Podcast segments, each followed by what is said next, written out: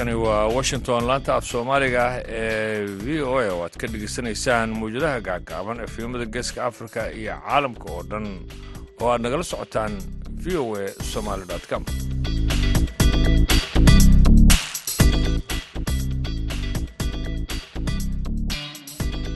Duhur wanaagsan dhegeystayaal waa sabti lix iyo labaatanka bisha nofembar ee sanadka labada kun laba iyo labaatanka afrikada barina saacadda haatan dhegeystayaal waxa ay tilmaamaysaa kowdii iyo barkii duhurnimo. Waxaan idaacadda idiin soo jeedinaya barnaamijka dhalinyarada maanta anigoo ah ibraahim xasan daandure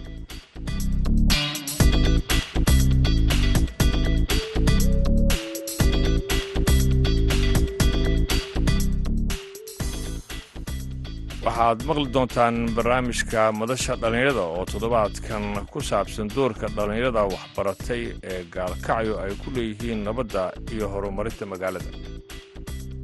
Marka arday uu yahay qofka micno weyn ugu fadhiyaa inkastoo aan gobolka waagii hore colaaydo aan ku jirnay alxamdulilah stiil waxaan nahay maanta ardaydii bedashay fikirka laga aaminsanaa maanta gobolka wuxuu ku sugnayahay nabad iyo xasilooni kaalintii heesahana dhegeystayaal waan idin haynaa si hesha ku soo dhowaada warkii.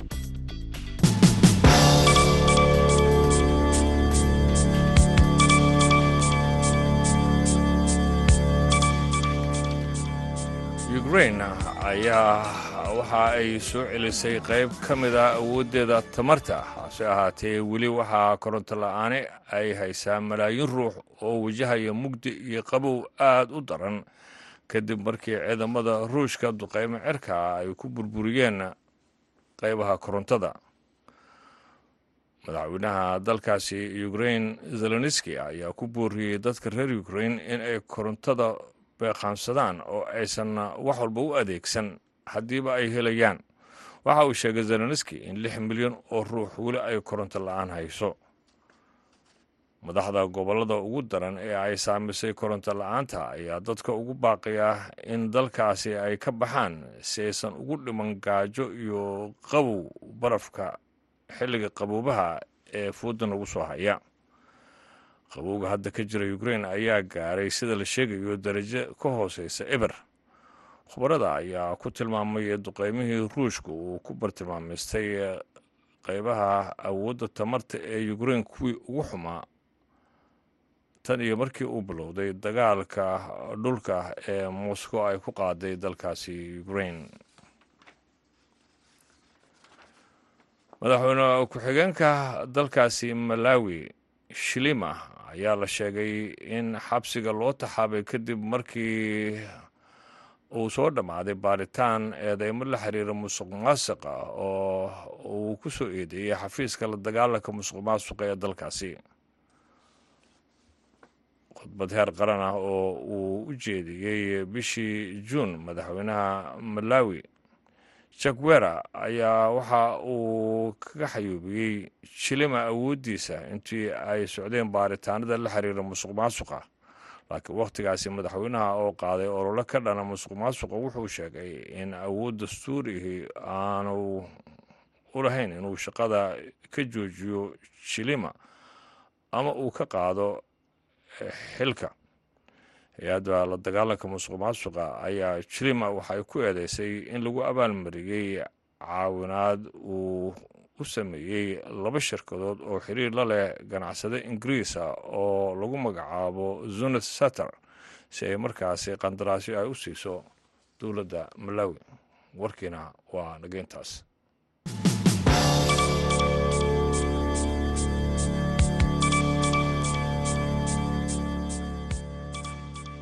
haatan dhegeystayaal waxa aad ku soo dhowaataan barnaamijka madasha dhallinyarada.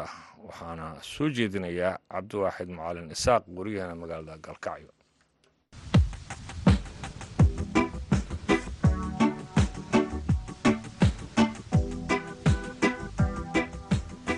Kulanti wacan dhegaystayaal ku soo dhowaada barnaamijka madasha dhallinyarada idaacadda v o e toddobaadkan barnaamijka waxa uu idinkaga imaanayaa magaalada gaalkacyo ee xarunta gobolka mudug magaalada gaalkacyo oo muddo la daalaadhacaysay ee dhibaato colaadeed oo u dhexaysay qeybaha kala duwan ee bulshada ee degan gobolka. Hadda waxaa magaalada ka jira xasilooni iyo nabad. Muddooyinkii ugu dambeeyey dadaallo ay wadeen dhalinyarada ayaa ahayd mid salka u dhigtay nabadda gobolka mudug.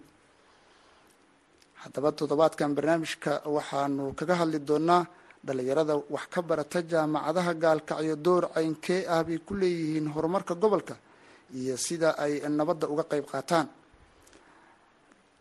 Toddobaadkan barnaamijka waxaa marti iigu ah hadduu eebba idmana igala qaybgeli doona cabdiraxmaan siciid khalaf maxamed xuseen maxamed libin tahliil axmed iyo saabiriin cabdulqaadir maxamed. Dhammaan ardadan waxa ay wax ka bartaan jaamacadda bariga africa oo ku taalla magaalada gaalkacyo gaar ahaan daanta waqooyi ee gobolka mudug.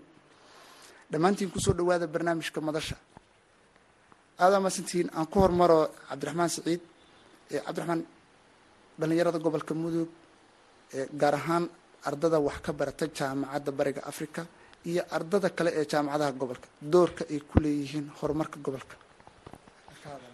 Waa mahadsan tahay cabdi waaxid adiga iyo bahda v o a waan salaamayaa su'aasha haddaan u gudogalo doorka ay ardadu ku leeyihiin horumarka gobolka mudug haddaan si guud u soo koobo waxaan dhihi karaa ardaydu waa dad waxbartay oo aqoon-yahan ah.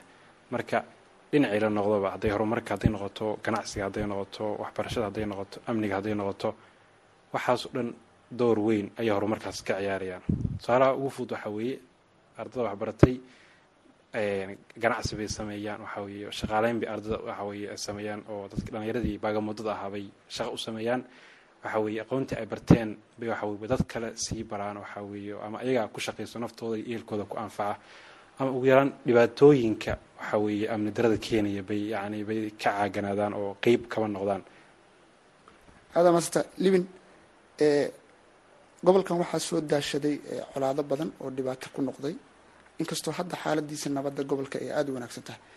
Markay noqoto kaalinta ay dhalinyarada ka qaataan dhinaca horumarka iyo nabadda iyo isdhexgalka bulshada. Intay la eg tahay gaar ahaan ardada waxbarata ee gobolka ku dhaqan.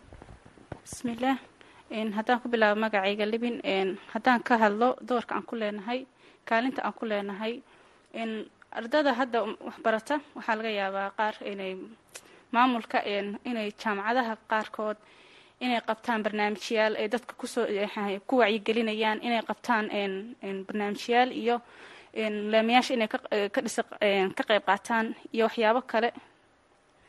Aadamasta sabriin muhiimad caynkee bay leedahay dhalinyarada waxbaratay inay dalkooda iyo deegaankooda ka shaqeeyaan. Asalaamu calaykum waa ku salaamay magaceyga waa saabrin cabdiqaadir maxamed waxaan ahay arday dhigta jaamacadda bariga africa qeybteeda caafimaadka ee dhakhtarnimada. Haddaan ka jawaabo su'aashaas waxaan ardayda. Markaa arday uu yahay qofka micno weyn uu ku fadhiyaa. Inkastoo aan gobolka waagii hore colaaydo aan ku jirnay alxamdulilah stiil waxaan nahay maanta ardaydii bedeshay fikirkii laga aaminsanaa maanta gobolka wuxuu ku sugnayahay nabad iyo xasilooni. Waxa waxa ka dambeeyan waa arday dhalinyarada fikirkooduna ee ka dhigtay inay amniga ku noqoto. Aadamastahay maxamed xuseen maxamed inkastoo dhalinyarada waxbarata iyo kuwo badan oo aan waxbaran ay gobolka joogaan haddana ardada waxbarata ee dhalinyarada ah muhiimadda caynkee bay u leedahay nabad inay noqoto gobolka mudug. Awalan assalaamu calaykum waan salaamaya bahda v o a iyo adigan cabdiwaxid ugu horeyn ana horta si fudud waxaan ku jawaabayaa ardayga waxbartay oo jaamiciga ah. Tusaale ahaan haddii la isbarbar dhigo gaalkacyadii hore iyo gaalkacyadan laba sano ka hor ilaa saddex sano ka hor bulshada reer gaalkacyood waxay aaminsanaayeen ardayga haddii uu fanfur ka baxo ama dugsi sar uu ka baxo in waxbarasha ay taalo in dibadda la aado. Taas beddelkeeda waxaa moodaa soo noqoshada magaalada in ay wax weyn ay ka geysteen ardada labadii sano u dambeysay maadaama ay aamineen waxa kala yidhaahda in ay wax ku bartaan deegaankooda taas waxay bedeshay habdhaqankii magaalada. Haddii la fiiriyo gaalkacyo afar sano ka horsay ahayd iyo haddasay tahay runtii waxaa muuqda difference aad u weyn dhinac walba ha noqdee. Taasna waxaa keenay baan dhihi karaa ardada fikirkooda uu noqday in ay waxbarasho ay ka tanaasulaan dibadda ah ay u tanaasulaan mid deegaan taas oo ay wax ka bedeshay deegaanka ay ku noolaayeen bulshadii communitygii ay ku dhex noolaayeen populationkii ganacsigii caafimaadkii dowladnimadii kulli wax ka bedeleen marka mar walba ardaygu waa difference ardaygu waa difference maker qofka shakhsiga ardayga ah waa shakhsi populationka iyo community ku dhex nool yahay difference ka dhex abuuri karaa aadan master maxamed? Cabdiraxmaan markay noqoto in dhallinyarada waxbaratay ay dadkii iyo deegaankooda ay dib wax ugu celiyaan gobolka hadda maxaa idinkaga qorshaysan inaad dalkii iyo deegaankii aad dib wax ugu celisaan? Gobolka mudug markay noqoto miyigiisa iyo magaaladaba. Waa mahadsan tahay cabdiwaxid waxaa ugu muhiimsan oo aan dhihi karo waa waan ku celin karnaa bulshadii aan ka nimid. Waa waxa weeyaan waa aqoontiina la baray iyo tacabkii iyo juhdigiina la soo geliyey. Marka markaa waxbaratid waxa weeyaan adigii waxa weye bulshadii ama ha noqdeen kuwa wacyigooda hooseeyo ama ha noqdeen kuwa aan waxba aqoon waxa weye aqoon dar hayso. Waxa weeye waxa ugu yar anugu arday baan ahay waxa weye dhaqaale iyo wax kaloo weyn ma haysto. Keliya aqoonta aan bartay iyo cilmiga aan bartay inaan sii baro waxa weye ama si volunteer ama si yani tadawuc ah inaan ku baro waxa weeye ba baan dhihi karaa yani bulshadaas. Iyo wacyigelinta aan ka qayb qaadan karo waxa weye bulshada in laga wacyigeliyo waxyaabaha dhibaatooyinka ah ama deegaanka ku ah ama nabadda ku ah ama horumarka lidiga ku ah. Waxaasoo dhan inaan ka wacyigelino oo dalkeena yani horumarkiisa iyo horsocodka aan ka shaqeyno. Arrinta ugu weyn yani aan ka qayb qaadan karno arday ahaan waa taas ayaan ku soo koobi karaa. Aadaa maadsantaha libin miyiga mudug waxaa ka jira meelo badan waxbarasho la'aan. Dhallinyaradii waxbarata gobolkaa tihiin dadkiinii iyo deegaankii mararka qaarkood oo aad fursad u leedihiin jaamacadda idiin xiran tahay ma idiin suurta gashaa inaad deegaankii tagtaan miyiga? Si dadkii aada ugu faa'iidaysaan wixii aada barateen. Bismillaah horta inaan deegaankii tagno nooma suurta way suurtageli kartaa laakiin dadka oo waxbarasho la'aanta ah annaga hadda ma dhihi karno iskoola u furanaa waxbaa u qabana laakiin waxaan ku saacidi karnaa inaan waxaan baranay ugu celino ee ayakana wax ka faa'iidaan. Insha allah waxaan rajeynaynaa inta fasaxyaasha aan jaamacadaha saddexda bilood inaan u sameyno dhalinyaro badan oo gobolka wada joogta sabriin mudug daanta shishe iyo daantan waqooyiga iyo daanta koonfureedba maxaa xiriiroo idinka dhexeeya? Awalan su'aashaas haddaan ka jawaabo aanay ahaan qeybta galmudug ka imaaday maanta qeybtana waxbarasho imaaday so waxaa keenaysa fikirkii waagii hore nala aaminsanaa oo ah inaa bulshada gaalkacay ay ahayn bulshada aan isfahamsaneyn aan isdhexgeli karin.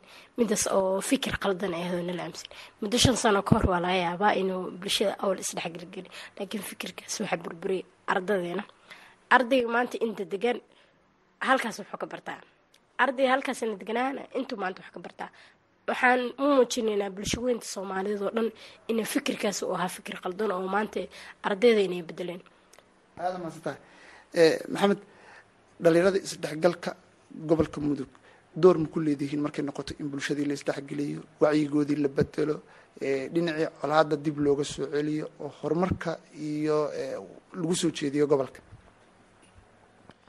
Bismillahi raxmaan raxiim horta walaashay saabiriin waxaa kala yidhaahdo oo ah arday asxaab aan nahay oo aadan isku dhow nahay oo ka imaada dhanka galmudug. Tusaalaan iyadoo kale haddii ay noqoto in arday badan oo dhanka galmudug ay waxbarasho soo aadaan dhankan puntland. Haddii ay noqoto arday badan oo puntland dhanka galmudug waxbarasho aadaan xaqiiqatan waxaa dhihi karaa fikirkii khaldanaa oo afar sano ilaa shan sano ka hor ay dadku isticmaali jirin aad u bedelmay tusaale yar haddaan kuu keeno kaba soo qaadba dadku inaysan ahayn dad wax garataba dad wax gartaba inaysan ahayn tusaale ahaan.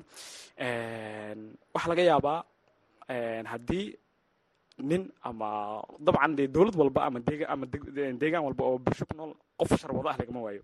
Haddii ay dhacdo lacalla in qof damacsanaa inuu shar sameeyo uuna ku sameeyo arday puntland oo galmudug jooga damca inuu wax ku sameeyo waxa uu aaminsan yahay in arday isaga ama haddii ay noqoto dhan famil ama haddii noqoto dhan ha qaraabo la ah aaminsan yahay inuu jiro dhankaas puntland uusan waxbarasho aaday.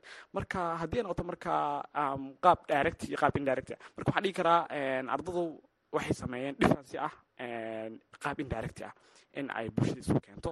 Tusaale ahaan ardaygu ma uusan samaynin ama ardaydu jaamacadeed ma aysan samaynin in laba dowlad ay meel wada fariisiso ama laba bulsho ay meel wada fariisiso dan ay heshiis samayso. Lakin waxaan dhigi qaab indirecti ah bay u sameeyeen isdhexgalkii. Dan bulshadina adaptation baa dhex maray la qabsi waa lasla qabsaday. Khalalaasihii iyo buuqii iyo fikradii khaldanaa oo markaas taagnaana. Waxaan dhigi karaa sidoodii bay ku dameen oo u gaabteen marka cabdiraxmaan maamulada gobolka ka jira degmada gaalkacyo waxay muddooyinkii ugu dambeeyey ku howlanayeen isdhexgalka bulshada. Ardadiina waxbarata ee jaamacadaha gobolka wax ka dhigta. Door ma ku leedihiin si maamulada aada u kaabtaan oo ay dadaalada nabadeed ee wadaan ama horumarineed aada qayb uga noqotaan? Waxaan dhihi karaa waxaan ku leenahay door weyn baa ku leenahay oo weyn baa kaqaad baan ka qaadanay. Haddaan nahay ardayda waxbartay oo waxa weeye ama dugsiga sare dhigata ama jaamacadaha dhigta. Haddaan tusaale ahaan kuu soo qaato aniga ahaan cabdiraxmaan waxaan ka tirsanahay yani urur la yihahdo madasha nabadda iyo isdhexgalka dhalinyarada gobolka mudug. Dhallinyaradaas waxay ka kooban tahay waxa ugu badan oo xubnaheed waxa weeyaan waa arday iyo waxa weeye iyo macalimiintood iyo dad la xiriira waxbarashada weeyaan. Marka waxaanu dhihi karnaa yani wacyigelin baan samaynay waxa weeye kasta waxa weye baan tagnay waxa oo ardaydii baan isku xirnay oo connection samaynay maamulayaashii baan isku xirnay waxa weeyaan kulanan bahda waxbarasha wax qabanay bahda haweenka oo kale. Marka doorka ugu weyn ee aan ku kaabnay maamulka waxa weeyaan in fikirkii khaldanaa ee ahaa waxa weeye oo dadka yani dhihi jira isbaarada qalbiga ama ahaa haddaa dhinaca tagta in lagu dilayo inaan meesha ka saarno oo aan yidhaahno war qofkan daris buu kula yahay waxa weeye somalia wax ab ka dhow. Yani aniga dad waxaa jira aan isku haybnahay oo xeebahaas yeminta yani xiga aan waxa isku haybnahay. Haddana leeyahay dadkaas ba isxigtaan dadkaan kula dariska ahna waxa weye cadow bay ku yihiin. Marka fikraddaas baanu meesha ka saarnay isbaaradii qalbigaanu qaadnay. Laakiin anagu yani colaadihii waxay asalka u ahaayeen dhulka la isku haysta iyo loolinka dhaqaalaha anagu waxaas waxba kamaa naqan laakiin fikradda qalbiga baanu dhihi karnaa baanu qeyb weyn wacyigelinta bulshada ah iyo fikradahooda baanu wax ka bedelna awal waxyaaba asalka ahaay oo kale ee salahaan loolanka dhulka oo kale ama ceelasha ama daaqsineedka waxyaalahaas yani baa keenayey. Laakiin waxyaabaha waxaa jira waxyaaba ka qeyb qaata colaadda oo waa ka mid tahay yani saxaafadda oo kale inay yani waxay sii yani ay faafiyaan. Yani fikradaha kala duwana la aaminsan yahay. Hadduu qofkaas iga aaminsan yahay inaan anigu dan ka aaminsanahay inuu yani qofkaas meeshaas ay tahay meel aan meel qasan oo nidaam ka jirin. Isaguna ii arko inaan ahay qof isaga yasaya waxa weye oo xaqiraya. Yani dee yani iskuma soo dhawaan karno. Maba heshiin karno. Lakiin markii fikraddii meesha ka saarno waxa weeye oo la yiraahdo kaale qofkaan is arka. Waxaa la carruur iyo waxa weeye iyo waraabo waa loo kala sheegin laakiin isma is arag. Marka haddii isku nimaadno aan wada hadalno yani fikraddii meesha ka baxasa marka arrimihii kale markaas laga wada hadli karaa. Aadan asta libin gabdho badan oo gobolka jooga oo aan waxbarasho ka faa'iidaysanaa jira. Iyaga ma ku dhiiragelisaan si waxbarashada gobolka uga qayb qaataan iyo horumarkaba? Bismillaah horta weli maanan arkin gabdho oo horta waa dhiirigelinaa gabdhaha. Maanta haddii si loo fiiriyo gabdhaha horta sibaa loo liidaa la dhahaa. Gabar wax ma qaban karto gabar wax ma baran karto guriga gabar ku fiican tahay. Taas ayadoo ah laakiin gabdhaha waa kuwa haddase boqolkiiba sagaashan wax barta hadday gabdhaha aan wax baranina waxaan jeclaan lahaa inaan u qabano barnaamijyaal oo ah fikradaheena inaan ka gadno macnihii waxaan baranay ayakana u faa-iidno. U wacyigelino iyakana awood u yeeshtaan inay ayakana markooda ay wax qabsan karaan. Aada maadsantaha sabriin markii aad jaamacadda bariga africa bilaabeysay daanta shishaa ka soo gudubbeysay maxaa caqabadoo la kulantay walaahi aada weyn su'aal u wanaagsan ay weydiisay. Haddaa su'aashaas ka jawaabo laakiin wax caqabada laga kuma kulminin maxaa yeelay waxaan aaminsanaa in dayaankii keliya waxaan ka bartay. Waayo gobolo kale markaa aaday oo fikra dad badan aan arkay. Adduunka markaa meelaha kale aaday ama gobol kale aad waxbarashada gobolo kale aaday. Goboladaas waxaa la soo kulmay dad kala duwan bulsho kala duwan oo soomaali oo meelo badan oo iskala imaaday marka fikirkii aniga oo markaas waa ka saaro oo ah in waxay ugu dhaci doonaa dhanka faamiligii markaan gelaya caqabada aan kala kulmay aad ha aadin meeshaas gabaraa tahay wax walba kuu dhacay. Waxaa dhahay naf walba yacni waqtigeeday ku ekata aan dhahay gabarda ahana de waxna in aan qabsan karin aan hore u socon karin maahan gobolka ayaa waxaan ka baranay aan dhahay jaamacad shisheeyana ma aadin oo dalka dibadiisna uma bixin. Soo ardayga dalka dibadiisa markuu u baxaya xoriyad baa siisay waayo anoo gobolkay hadda wax ka baranayo soo inaa helaa xoriyad ilaan gobolkay waxaan ka baranaya. Marka faamiligii markii oo dhanka faamiligii la imaado caqabadii ugu horeysaa waxay ahayd inay dhahaan. Halkaas daa aadaysid bis jaamacad ma aadaysid kama bixinan ilaa aalaankaas oo hadeertaan oo san semesterkii labadan jaamacadda dhiganayo fikirkooda ah maalin walba aan kula doodo aan iraado jaamacadeeda iyo aniga nolosheeda iskuma xirno. Haddaan wax baranayo jaamacadda walba aan ka barto. Waa isla gobolkii aan joogaa aan iraado maxamed gabagabadii barnaamijkaan soo gaarnay si kooban adinkoo iigu sharaxaya ma jiraan dhalinyarada waxbarata gobolka. Caqabado ka soo wajaha maamulada gobolka. Marka ay noqoto inaad ka shaqaysaan horumarkii gobolka isdhexgalkii bulshada iyo nabadeynta mararka qaarkood meelaha wax ka dhicdhici jiray. Inkastoo hadda muddooyinkan aysan waxba dhicin. Waa cabdiwaaxid awalan horta waxaan odhan karaa maamulada waxaan ka caawinay. Haddii qofka uu yahay qof maamul ah oo deegaan ama bulsho xukumaya bulshada uu xukumaya iyo deegaanka uu xukumaya inay noqdaan bulsho disbliin leh oo akhlaaqiyin u dhisan oo wax kala yidhaahdo nidaam leh oo aysan isaga laftirkiisa challenge iyo caqabad uusan kala kulmin. Haddii aan tusaalahaan oo kaleeto fiiriyo gaalkacyooyinkii hore gaalkacyada hore oo kale caqabad bay kala kulmi jireen dadka maamulada ah. Hadda laakiin waxaa jirta dadka hadda gaalkacyo u taliya oo kaleeto inaysan caqabad badan ama challenge badan kala kulmin sababtoo ah dhalinyaradii aqoonta badneed ama exactly. Dadka wacyigooda dhismay waxaa kala yidhahda dad badan oo aqoon iyo cilmi u raadsan jiray deegaano kale baa isla gobolkoodii jooga. Marka waxaan oran karnaa bointiga ugu weyn aan ka caawinay waxa kala yidhaahdo dadka madaxda noo ah ama dadka maamulada. Horta maamulada caqabad haddii ay noqoto laba qaabba way jirtaa. Tusaale ahaan oo kaleeto hadda anagu jaamacad baa dhiganaa dhanka management of health ama public health aan una bartaa markaa raba inaan a d b aan research u aado ama qiimeyn aan u aado inaan wax kanila soo qiimeeyo nolosha ka jirta a d b yada meesha keliya aan garabka aan weydiisanayo waa waa waa maamulka iyo guddoomiyaha iyo iyo duqa degmada. Iyagana horta maamulku mid way ku saxan yihiin midna waxaa oran karaa dhan haddii loo firiyo ku khaldi laakiin mid ay ku saxan yihiin waxay tahay haddii uu meeshu amnigu khalkhal ku jiro aad bay u adag tahay macnaha qof walba soo dhaweysaa dhahdid barnaamijka wito kula xalin karaa. Maamulku marka hore caqabadaasi qabeen. Laakiin hadda maadaama uu challengiga uu sii yaraanayo ma sameeyaan wax caqabad ah ma sameeyaan oo qofkii u baahda inuu deegaanka magaalada gudaheeda salaan special gaalkacyo kale rabo inuu hawl ka qabto garab istaag way u muujiyaan oo waxa kala yidhahdo ilaa xad way garab istaagaan. Sababta wax meesha ka baxay challengigii iyo cabsiyihii iyo hawlihii magaalada ka jira badan hadda kama jiraan. Magaalada hadda horumar fiican bay ku sii socotaa. Aad bay u dhismaysaa. Aada umaasan tahay cabdiraxmaan gobolka imise jaamacad ayaa lagu qiyaasi karaa jaamacadaha ku yaalla ee ka howlgala.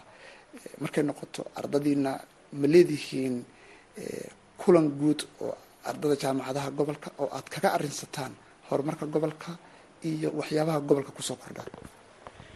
Anugu hadda yani xog iyo waxa weeyaan number saxa hadda ma hayo. Ilaa adugu sideed ilaa toban jaamacad baan ku qiyaasayaa inay gobolkan ka jiraan. Marka laakiin isku xirka ardayda iyo waxa weeye way leeyihiin haa madal ardayda ku meedsan yihiin jaamacadaha ayaa jirta. Marka waxay iska caawiyaan maxaan qaban karaa barnaamijyo ah anagoo arday ah bulshada gaarsiin karnaa tusaalaan xilliga abaaraha oo kale in biyo dhaamin la siiyo xilliga cudurro faafaan oo kale in dadkii baadiyaha loo tago xoolaha loo soo diro xoolaha loo soo daaweeyo. In waxa weeye dadka nafaqadarada haysoo kale in laga caawiyo in wacyigelin loo sameeyo. Marka ardaydu madal waa leeyihiin haa jaamacadaha madal way ku midaysan yihiin urur waa jiraa bulshadana yani barnaamijyo way u qabtaan waxa weye iyaguna xiriir gudahooda waa leeyihiin. Aada maasanta sabrin iyo iyo liban maxay tahay fariinta gabdhaha gobolka aad u diraysaan gaar ahaan markay noqoto gabdhaha waxbarta iyo kuwa aan waxbaran ee aan fursadda u helin inay waxbartaan. Bismillaah gabdhaha waxbarta waxaan dhihi lahaa ha meeshiina ka sii wada oo dib ha u noqonina. Gabdhaha wax aan barin waxaa dhihi lahaa meesha aad hadda fadhisaan inaad ka kacdiin waayo maxaa yeelay de gabdho baan nahay inaan wax barano waa noo muhiim. Gurigiina waana laga rabaa inaa anaga dhafteenana wax u barano waa la rabaa. Markii gabar u maanta waxay barato bulshada maanta boqolkiiba boqol meel walba jaamacada ahaato ama goobaha waxbarashada hadda waxa ugu badan hablaha. Hablaha oo haddana waxna aan barin duruufa keenayso qof waxaa jira oo aan fiiga haysan hablahaasoo kale urare leeyihiin uraro oo habeeno waxbarashooyin fiiga oo fiiga ka bixiyo waxyaabo badanay leeyihiin. Marka gabar waxbaratana waa bulsho waxbaratay gabar walbana waxaa leeyahay wax walbana waa qaaban kartaa wax walbana waa samaysan kartaa ee hore u soco aada bay umahadsan yihiin kuwaasi waxay kala ahaayeen cabdiraxmaan siciid khalaf maxamed xuseen maxamed libin tahliil axmed iyo saabiriin cabdulqaadir maxamed.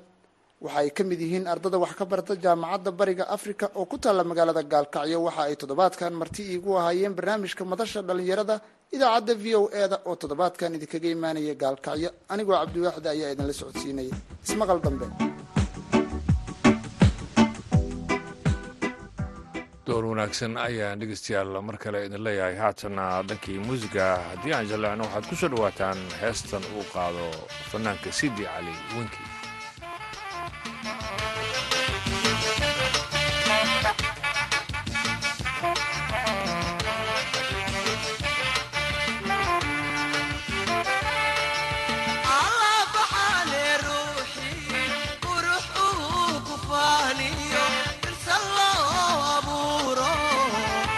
faaya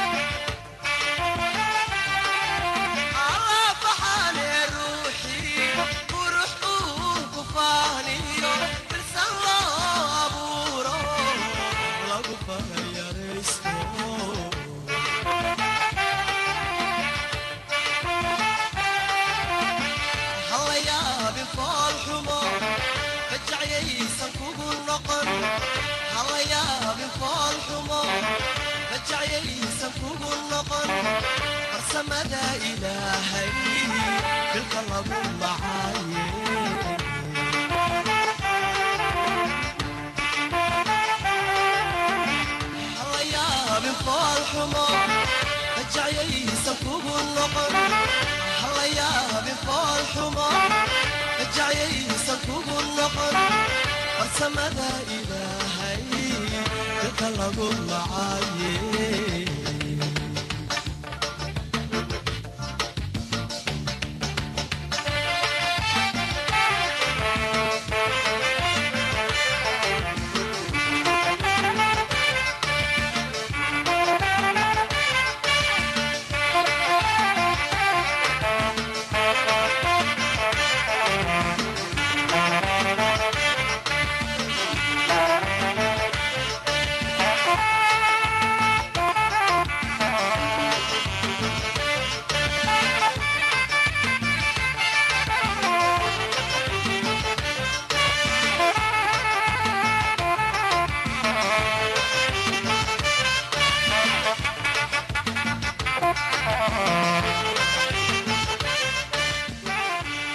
heestaasi uu qaaday sidi cali wenki waxaa ugu dambeysay idaacaddeenii barnaamijka dhalinyada ee maanta. Intaan mar kale kulmi doono sidaa iyo nabadgelyo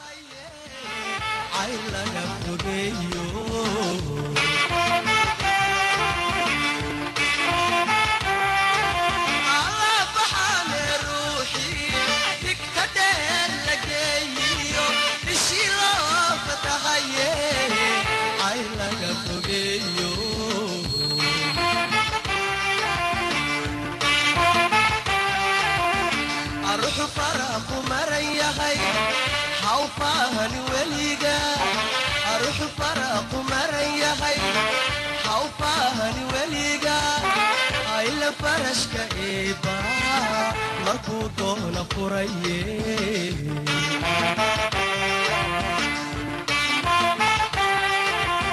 ruxu faraqu maran yahay haw faahani weliga ruxu faraqu maran yahay haw faahani weliga ayla farashka eeba markuu doono furaye